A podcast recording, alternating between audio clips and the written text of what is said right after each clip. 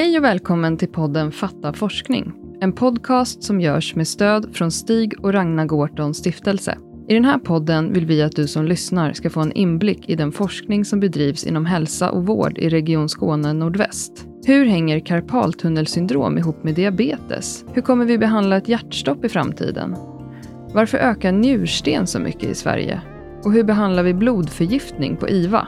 Vi hoppas att du vill framtidsspana tillsammans med oss om var vår forskning tar oss om 10 eller 20 eller kanske till och med 100 år. Och förhoppningsvis lära dig mer om hur forskning faktiskt går till och hur den kan användas för att förbättra världen. Jag som pratar heter Klara Fröberg. Välkommen till Fatta forskning.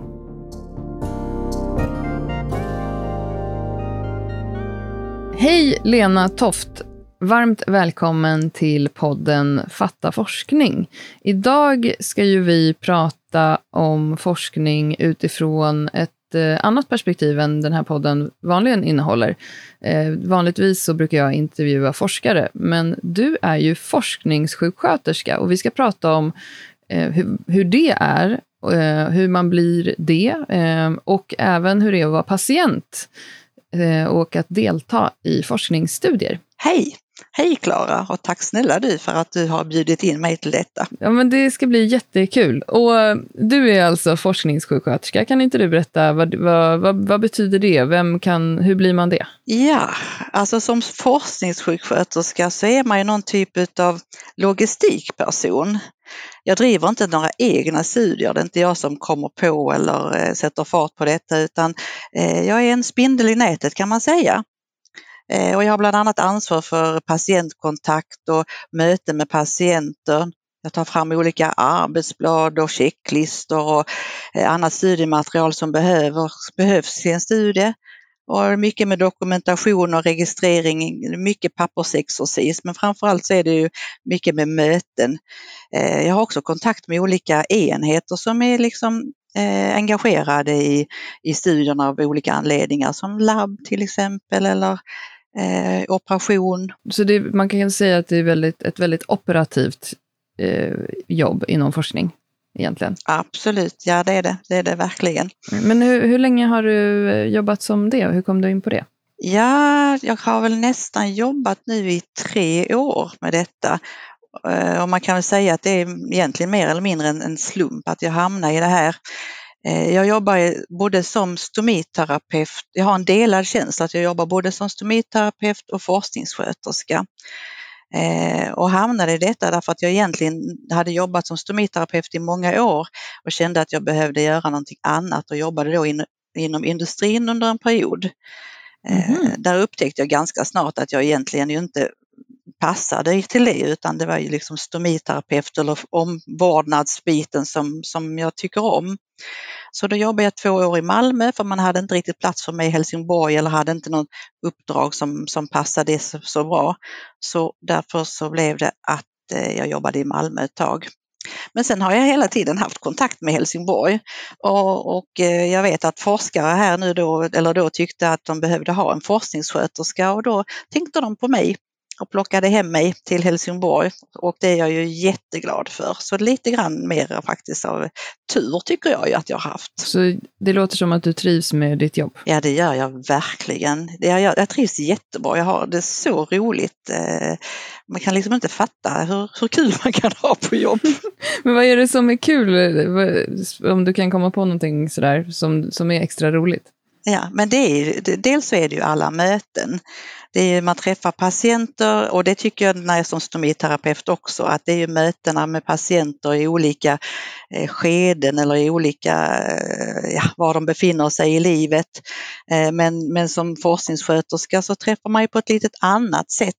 Men, men sen är det också det här med, med de som man jobbar med, de som driver studier, är, är ju drivna personer med mycket energi och det smittar verkligen av sig och det är härligt att få vara med i det flowet liksom. Ja, men det måste verkligen, eller tänker jag, det här är en ledande fråga, men kännas som att man bidrar till en bättre vård hela tiden också. Absolut, det är också, nu pratar jag liksom helt ego, egoistiskt vad som var kul för mig, men det är också såklart att man bidrar till att, att utveckla vården och ser möjligheter. Jag tycker om att se möjligheter. Ja, men det jag tänker på är att det, man hör ju mycket om liksom hur tufft det är inom vården och att Ehm, att de som jobbar inom vården ehm, liksom mår dåligt över att man inte har tillräckligt med resurser, inte har tillräckligt med tid. Ehm, och då känns, måste det ju ändå kännas bra att man jobbar med eh, olika forskningsprojekt som handlar om att göra det bättre. Mm. Jo men det gör det, det gör det absolut. Eh, och sen så behöver man ju det också, man behöver ha det som motvikt till, till vardagen så att säga och, och det är liksom en perfekt motvikt som ju då är så positiv.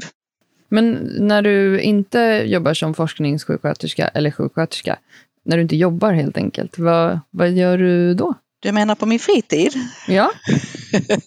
Jag antar ja, att du inte jobbar dygnet runt? Nej, det gör jag inte. Nej, jag jobbar mycket, men jag, det är också självpåtaget för jag tycker också att det är väldigt roligt. Men eh, ja, vad gör jag när jag är ledig? Jag tycker om att, att umgås såklart med familj och vänner. Eh, jag är lite så springperson så jag tycker om att springa eller gå långa promenader i skogen och laga mat och mm, provsmaka vin kanske. Ja. Mm. Ja. Livet goda.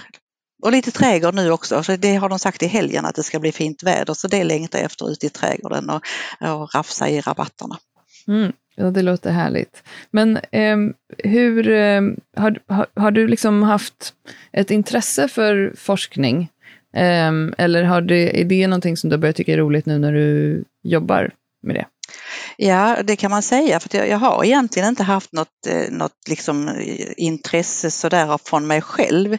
Jag deltog i en studie för många år sedan och, och hjälpte en läkare med det eh, och tyckte det var roligt. Men eh, sen är jag ju nyfiken och tycker det är roligt med utvecklingen och prova på nya saker så det är nog mer det som har, som har lett mig hit. Förklara, för jag tror att eh, många som lyssnar på det här kanske inte ens vet om att det finns forskningssjuksköterskor. Hur ser liksom det dagliga arbetet ut? Eller vad, vad, vad, kan det ingå för arbetsuppgifter för dig en vanlig arbetsvecka? Jag har ju som sagt en delad tjänst så att jag försöker att dela upp det så att jag två dagar har liksom avsatta för forskningen och de andra två dagarna till stomi och så delar jag på, på fredagen eller på den halva dagen. Eh, en vecka kan se väldigt olika ut, eh, men om man tänker sig en, en forskningsdag så, så kanske jag kommer till jobbet och plockar fram studiepapper. Jag vet att vi har identifierat patienter som ska komma till mottagningen som vi då ska kunna fråga om och vara med i en studie och då förbereder jag för det. Eh, lite senare så kanske jag har en patient som just ska komma för att vara med i en studie. Som sagt, jag jobbar ju med flera olika studier. Jag har egentligen fem stycken olika som jag är engagerad i där tre av dem är liksom lite mer heta just nu. Eh, och då kommer de till mig vid, i en av studierna och gör olika tester där man går igenom frågeformulär och lite fysiska aktiviteter. Eh, när man har gjort det så är det också mycket journalföring och dokumentation och det är viktigt att man registrerar och loggar patienterna som har varit här. Mm. Ja, och sen så har jag en annan studie där jag ibland får gå till operation och då kan det vara att jag får göra det strax innan lunch eller precis efter lunch och vara med. Eh, och där är jag mer som observatör eh, och är vissa parametrar som jag ska fånga upp Eh, Eh, som är viktiga för studien. Vissa dagar så kan man komma en, en person som ska monitorera studien. Det finns en person som ska se till att vi gör som vi ska, eh, att vi följer alla regelverken och att vi samlar in data på korrekt, korrekt sätt. Och då tar det ganska mycket tid i anspråk. Så det, det är mycket varierande. Ja, det låter som det. Men kan, kan vilken, alltså om jag är sjuksköterska, kan jag bli forskningssjuksköterska då? Eller behöver jag gå någon speciell utbildning? Eh, när jag fick den här tjänsten så hade jag ju ingen forskarbakgrund alls. Eh, eh så då, då fick jag eh, gå en utbildning en vetenskaps just om, om forskning nere i Lund på 7,5 poäng. Och den var väldigt värdefull så den rekommenderar jag ju att, att man går. Jag tänker att man kan bli upplärd på många bitar men för att verkligen få förståelsen för vad man gör så är den ovärderlig. En jätte, jättebra utbildning. Jag, jag tyckte det var svårt när jag gjorde det för jag inte hade någon erfarenhet men när jag nu har gjort den och när jag nu är med i forskningen så inser jag ju vad, vad, bra den var för mig och mycket annat hade jag inte alls förstått vad jag sysslar med. Du nämnde att du jobbar inom, med fem olika projekt just nu, forskningsprojekt. Mm. Kan du, du, berätta lite vad det, vad, det kan, vad det är för typ av projekt? Absolut kan göra det. För det är ju så här också att jag är liksom anställd inom verksamhetsområde kirurgi. Så det är framförallt inom kirurgiska frågeställningar som jag jobbar. Eh, och för tillfället är det fem olika studier men det är framförallt tre som är lite mer eh, som sagt aktiva. Det är det som är lite roligt för att studierna är ju aldrig parallella utan de går lite, ibland så har, det, och jag haft ett väldigt bra flöde eh, och så att de inte har kolliderat för mycket men just nu kolliderar lite. Så nu har jag tre stycken som är rätt så, eh, som jag är väldigt aktiv i. Och då har vi en studie som heter På G-studien, På gång kallar vi den. Eh, den handlar om att eh, vi testar olika tester kan man säga mm -hmm. för patienter som ska opereras som har någon, nu jobbar jag ju med mag-tarmkirurgi som då ska opereras med någon tumör i tarmen Eh, och då tänker vi att de här testerna i framtiden ska kunna hjälpa oss att, att hitta, identifiera patienter eller personer som är lite mer sköra eller som behöver Ehm, behöver stöttas eller behövs åtgärder innan operationen, till exempel som näringsdrycker eller man behöver blod eller om det är något annat. Eh, vi gör ju alla de här sakerna vi gör redan eh, åtgärder, tänker jag, för personer som behöver eh, stöttas och buffas inför en operation. Men vi har inget riktigt instrument för det. Så den studien så är det mycket frågeformulär och jag ställer frågor, patienten frågar eller svarar. Eh, och sen så är det några fysiska tester med en griptest där man liksom eh, testar sin gripstyrka. Eh, och den som vi tänker väl är den som är mest genomslag är en six minute walk test.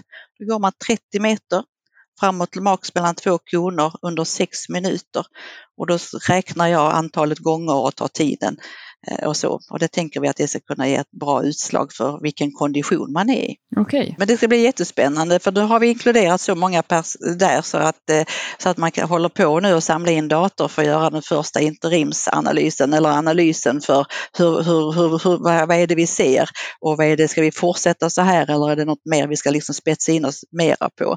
Så att det vi, där har vi inkluderat 100 patienter faktiskt. Ju. Så det, och det är fantastiska möten, det måste jag säga. Jag tycker det är helt konstigt egentligen. Jag har träffat nästan alla hundra, inte riktigt, jag har fått hjälp ibland. Men eh, det är lika roligt varje gång. Mm. Det blir så trevliga samtal och känns så, så bra. Så, att, så det är den ena. Mm. Den andra är ju någonting helt annat. För den handlar visserligen om personer som ska opereras för samma åkomma, någon koloncancer eller, eller någonting i, i tarmarna, men där man ska göra en öppen, öppen eh, kirurgi. Eh, och eh, där använder, är jag då engagerad i där man använder en symaskin och om man har lyssnat på det förra poddavsnittet så, så vet man precis vad jag pratar om. Mm. Det är en, en kirurg här på hos oss som har uppfunnit en typ av symaskin som man ska använda vid bukförslutning. Eh, inte när det är huden utan det är precis innan bukhinnan som ska, ska sys ihop väldigt tätt för att liksom hålla bra. Och där är jag med så att när patientpersonen då, eller patient forskarpersonen eh, kommer eh, så långt så att man ska sys ihop, då kallar de på mig ringer de från operation och så får jag gå ner och byta om. Och så har jag mina papper med mig och tidtagare och så mäter man snittets längd och räknar stygn och lite sådana saker. Så då är jag engagerad i det. Och sen står jag för uppföljningen. Det mm. är ju det som blir det liksom mesta för mig när jag träffar personen på, på avdelningen eh, efter operation och likadant sen på återbesöket när man kommer för återbesök hos kirurgen så tittar vi över hur, hur snittet eller såret har läkt och hur det ser ut. Och mer då? Ja, Or orkar ni mer? Ja. ja, vi tar en till. Eh, och då är det, jag är också då utlånad 20 eh, till akuten. Eh, och där har vi en skallskadestudie. Och det är en av våra kirurger som, som startade den och det är väl kanske därför som jag har halkat in på den även om det är på en helt annan eh, avdelning. Som sagt, det är på akutavdelningen eller akuten. Eh, och då är det en skallskadestudie, då har vi en, en skanner kan man säga. Personer som kommer till sjukhuset för att man har ramlat och slått i huvudet eller på något vis har fått en, ett trauma mot huvudet. Eh, och där man bestämmer att man ska göra en skiktröntgen, en CT-röntgen för att utesluta att man har en blödning. De personerna kan vara med för då gör man den här röntgenundersökningen och då kan vi samtidigt göra efter eller i samband med det göra den här skanningen och sen kommer vi också ta blodprover som då är biomarkörer. Men vår förhoppning är att den här skanningen är någonting man gör i sängen. Det är liksom mm. som en apparat man lägger huvudet i och det tar två minuter. Och vår förhoppning är att den ska kunna liksom visa en eventuell blödning lika bra som en röntgenundersökning. Eh, och hade vi kunnat liksom lita på det så skulle man ju kunna göra en, eh, den här skanningen och mycket snabbare än all tid och pengar och väntetid som det tar för att få till den här skiktröntgen i det akuta skedet. Mm. Jag måste säga, jag förenklar ju lite grann. Jag tänker att, att, när nu mina forskarkollegor hör mig så kanske de inte tänker att jag har rätt, men, men jag försöker ju förenkla lite grann för att få det liksom begripligt. Det är jättebra. Det är syftet med den här podden, att det ska vara begripligt. De här patienterna som du träffar generellt, som är med i, i studierna, är, de, eh, är, det, är det lätt att få patienter att vara med i studier? Ja, men det är det faktiskt. Jag måste säga att det är rätt så lätt. Det är många som, som är, är positiva Eh, och jag tycker det är roligt och vill gärna vill bidra. Framförallt det så tycker jag att jag får en känsla av att man, ja det här vill jag verkligen göra. Det är klart att jag vill vara med och utveckla vården och det här blir, kan ju bli liksom jättebra för någon annan. Så att eh, eh, det tycker jag nog. Ja, jag har själv anmält mig några gånger till olika studier som försökskanin, för att jag tycker, för att jag uppenbarligen har ett intresse för forskning, men jag har inte kommit med. Eller jo, jag var med en gång på en, men det var inte ett forskningsprojekt, utan då var jag med som försökskanin för fysioterapeuter inom obstetrik som skulle bli bättre på att undersöka, eh, att, att göra gynundersökningar. Ja, okej. Okay. Så, så då, då var min bäckenbotten eh, själva objektet. Ja. Men, vad, men vad som är här är lite grann att många av våra patienter, i alla fall inom kirurgin eller på vår mottagning, eh, de kommer hit på ett första eller på ett nybesök hos läkaren. Eh, det är väldigt mm. mycket information. Man får liksom både att man får en diagnos, besked och kanske en plan för att man ska opereras och så. Så det är mycket information. Så ibland så blir det lite övermäktigt och då, då, mm. då, då frågar vi inte. Orkar man inte. Nej. Och, och ibland så, så är, får man ändå en känsla av att när det här har landat så, så kan, och då kan jag ringa personen i, i fråga och ändå fråga och känna lite grann på dem efteråt ju. Så mm. alltså det, i så fall är det mer egentligen sådana hinder. Jag antar att inte alla patienter kan vara med i en studie eller platsar att vara med i en studie. Vad finns det för anledningar till att patienter inte väljs ut till att vara med i en studie? Ja, det är också lite olika för att olika studier har ju, är utformade på olika sätt och det man söker och vilken frågeställning man har avgör ju såklart vilka patienter som kan vara med. Eh, men i ett protokoll eller när man gör en studie så tänker man ju noga på vad är det vi söker och på för vilka personer är det. Så att man, man har ju någonting som man kallar inklusionskriterier eller krav kan man säga, kriterier och krav för att kunna vara med och exklusionskriterier, saker som gör att man inte kan vara med. Eh, så i, på G-studien så kan ju, är ju några av kriterierna att man ska vara över 18 år, eh, att man ska göra en operation ja, i tarmen då ju. Så där är inte så många och det som går bort är ju ofta som man har problem med språket av olika anledningar. Eh, för det är ju otroligt viktigt att man förstår vad, som, vad vi säger och, och vad man ska göra och också så man förstår vad man tackar ja till. Kan det vara om man har andra sjukdomar som gör att det inte kan vara lätt att avläsa resultatet? Så kan det vara ju. Ja, så till exempel som då med, med gångstudien så om man har, har vi ju valt bort patienter som har en behandling innan för att då blir det inte riktigt rättvisande när man gör testerna. Det är det som avgör. Så kriterier som, som läkarna eh, eller de som gör studien tänker ut och som passar, så att det passar in för den studien eller det resultatet eller frågeställningen som man har. Mm. Får, får man betalt som patient i, när man är forskningsdeltagare? I de, de, jag tror att man kanske får betalt när man är med i läkemedelsstudier. Våra studier kallas akademiska. Eh, där får man inte betalt, men om det skulle vara så att man, för vi försöker få in det så att man gör testerna när man ändå är här eller vid återbesöket när man ändå är träffar kirurgen på återbesöket eller, eller så. Mm. Eh, men, men samtidigt så vet jag att det är också så, skulle vi haft en studie där vi ska träffa patienten flera gånger eller så, då får man, kan man få ersättning för transport och, och, så. Men det är inte därför folk tackar ja, eh, gissar jag. Inte för att det är en hög lön eller så, utan just för, som vi pratade om i början, att man vill vara med och bidra till till bättre vård? Absolut, det är faktiskt aldrig någon som har frågat heller. Så, så, så jag tänker om de tackar nej för den saken, nej det gör de inte, det är inte det som styr.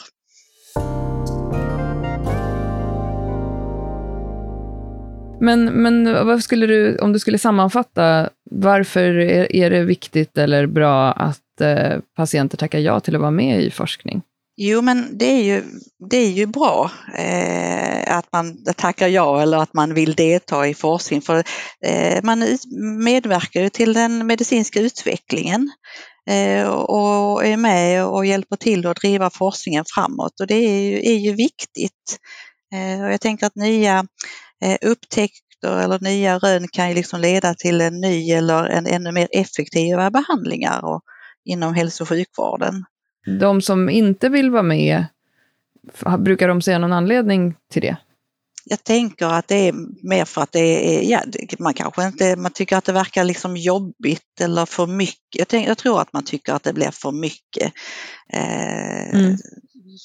Och vi brukar ju liksom fråga dem vid det tillfället men är ju hela tiden ändå också öppna med att man har ju möjlighet att, att tacka nej.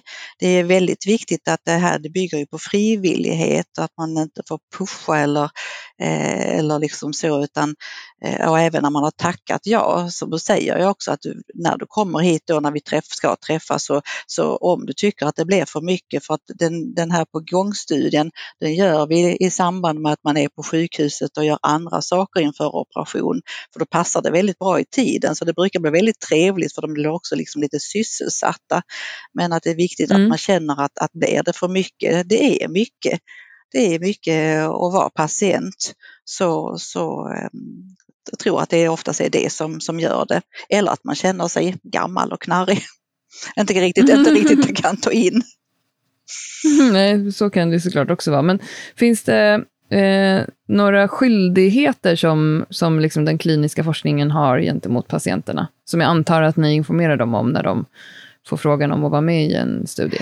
Oh ja, det gör det. Det finns ju etiska grundprinciper som, som är väldigt eh, viktigt att, följa. Eh, mm. och, där, och det är framförallt så är det krav på, på information. Eh, att det är viktigt att, att eh, studieforskarpersonen förstår eh, vilken uppgift de har i studien och vad det är de ska göra eller vad som förväntas av dem och då mm. att det är frivilligt. Och detta då också som sagt att man har rätt att, att avbryta sin medverkan om man, om man av någon anledning inte vill fortsätta. Mm. Och det finns också krav på samtycke, att den som deltar i en undersökning har, ska ha ju själv rätt att bestämma Eh, om man vill vara mm. med eller inte. Men jag vill gärna säga att, att all, all modern forskning genomförs ju enligt eh, principerna i Helsingforsdeklarationen och någonting som heter GCP. Det är Good Clinical Practice och det är etiska regler för, som har tagits fram för forskning på människor.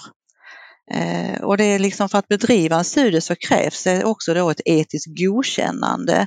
Så att man måste skicka in sitt protokoll och hur man tänker omkring eh, eh studien till Etikmyndigheten och behöver ha ett godkännande där. Eh, och är det mm. så att man ska forska med läkemedel eller som för min del då med de här medicinsk-tekniska apparaterna så är det Läkemedelsverket som man måste skicka in en ansökan till. Så att det är också bra för patienter att veta att man är väldigt styrd. Eh, det är ingenting som man bara gör liksom på, på skoj utan det finns ett regelverk eh, som vi går efter och som, som styr oss och att vi är väldigt noga med att jobba efter de här etiska principerna som man tagit fram fram. Ja, men det är ju faktiskt jätteviktigt att, att berätta så att man inte behöver vara nervös eller rädd att det ska hända någonting som, som inte känns bra. Precis, och likadant med de här etiska principerna så är det också det här med personuppgifter. Eh, att, man, att de tar, tas om hand på ett, eh, på ett väldigt skyddat sätt eh, och förvaras på ett sådant sätt så att inte obehöriga kan, kan komma åt data. Och jag har ju fått ett sådant låsbart skåp med, som till och med är eldsäkert så att jag kan låsa in så att det finns ingen annan som kan komma åt de här uppgifterna. Men brukar patienterna ha frågor om de här sakerna eller upplever du att de känner sig generellt trygga? Med hanteringen? Det tror jag. På den här när man, när man tillfrågar som man vill vara med i en studie så dels så får man ett, ett skrivet dokument om hur studien går till. Men där står det också alla de här uppgifterna var man ska vända sig om man vill eh, avbryta studien och likadant hur vi tar om hand, hur Region Skåne då tar om hand om, om eh, personuppgifter och så. Mm. Så att eh, nej, det är aldrig någon som frågar om det men, men det finns alltid och det här dokumentet eller informationsbladet vill vi ju gärna, dels så frågar vi ju muntligt om man vill vara med men i bästa så ska man också, eller så ska man också också läsa igenom det så att man har möjlighet att ställa frågor så att man får ha lite tid och liksom landa i detta innan man tackar ja. Nu har du ju nämnt lite grann några av de här studierna, skallskador och eh, vi har symaskinen och vi har den här eh, teststudien för tester.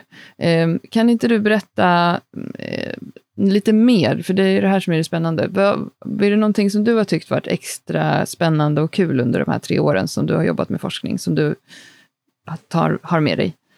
Absolut ju. Eh, en sak, eller en, ett eh, moment som ju klart är väldigt, har varit väldigt annorlunda var ju när vi skulle testa eh, symaskinen eller maskinen man använder för, för att sy ihop eh, bukväggen så gjorde vi det på obduktionsavdelningen i Lund. Eh, och då, då fick vi resa dit och vi fick kirurgerna med oss eh, en och en och så fick man då testa. Och det är såklart, det, det kommer jag liksom aldrig att glömma för det är en sån annorlunda miljö. Och när man säger obduktionsavdelningen så, så får man kanske bilder som, som eh, ja, som inte är så positiva men det var otroligt positivt för det var så fint, en fin lokal och de som jobbade där de var liksom så vänliga och hjälpsamma och lugna och, och ja, stöttande. Så det var så, så vi kände nästan att vi tyckte att det var roligt att åka dit bara för att det var så otroligt god personal. Vi har ju pratat lite om det i avsnittet som du nämnde innan med Gabriel Börner om den här mm. symaskinen. Då berättade han ju om den studien när symaskinen testades och vad jag minns så var, gav den ju väldigt bra resultat också. Precis. Att, att det blev väldigt bra eh, stygn helt enkelt med den. Ja, och det är ju den studien som har gjort att vi idag kan göra den kliniska studien på, på riktiga patienter. Mm. Ja. Så att, och det känns ju också lyxigt att få vara med om en sån resa.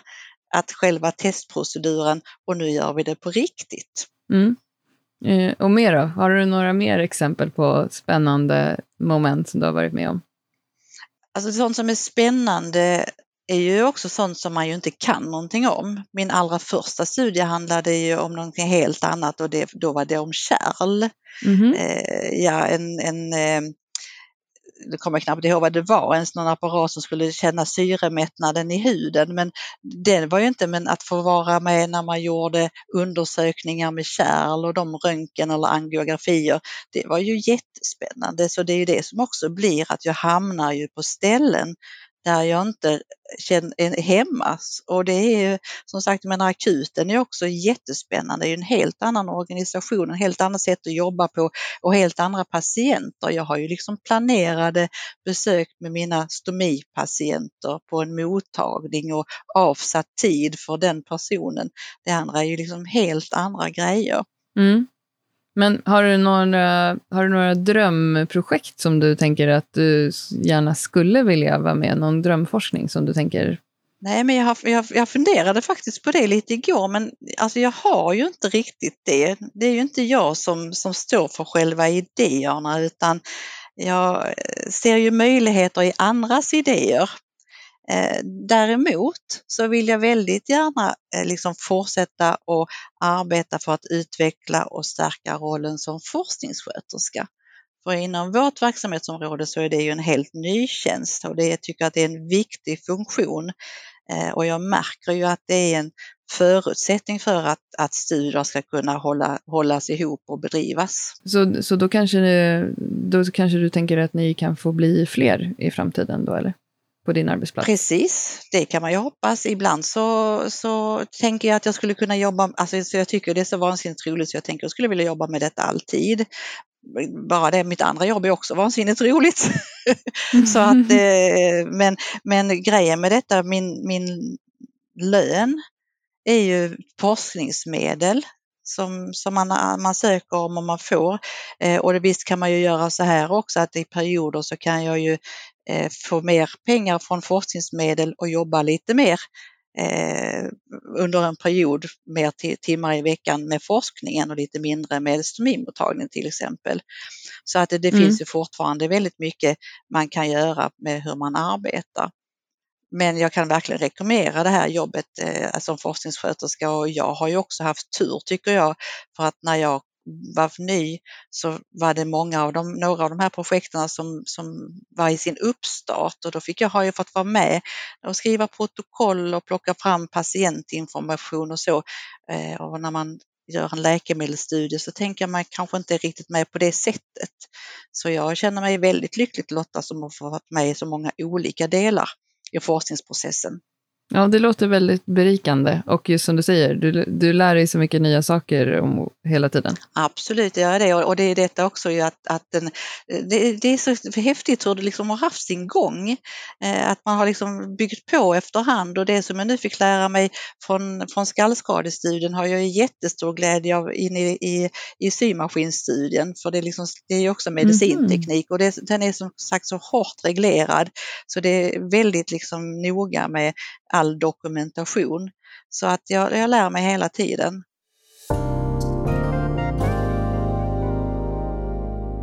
Det här har varit jättespännande att prata om och jag tror att, och jag hoppas att eh, av våra lyssnare, att kanske fler blir positiva eller mer nyfikna på att själva vara med och bidra om man någon gång skulle få frågan till att vara med i en studie. Eh, så då vill jag säga stort tack till dig Lena för att du kom och berättade om ditt jobb. Tack själv Klara, det var jätteroligt.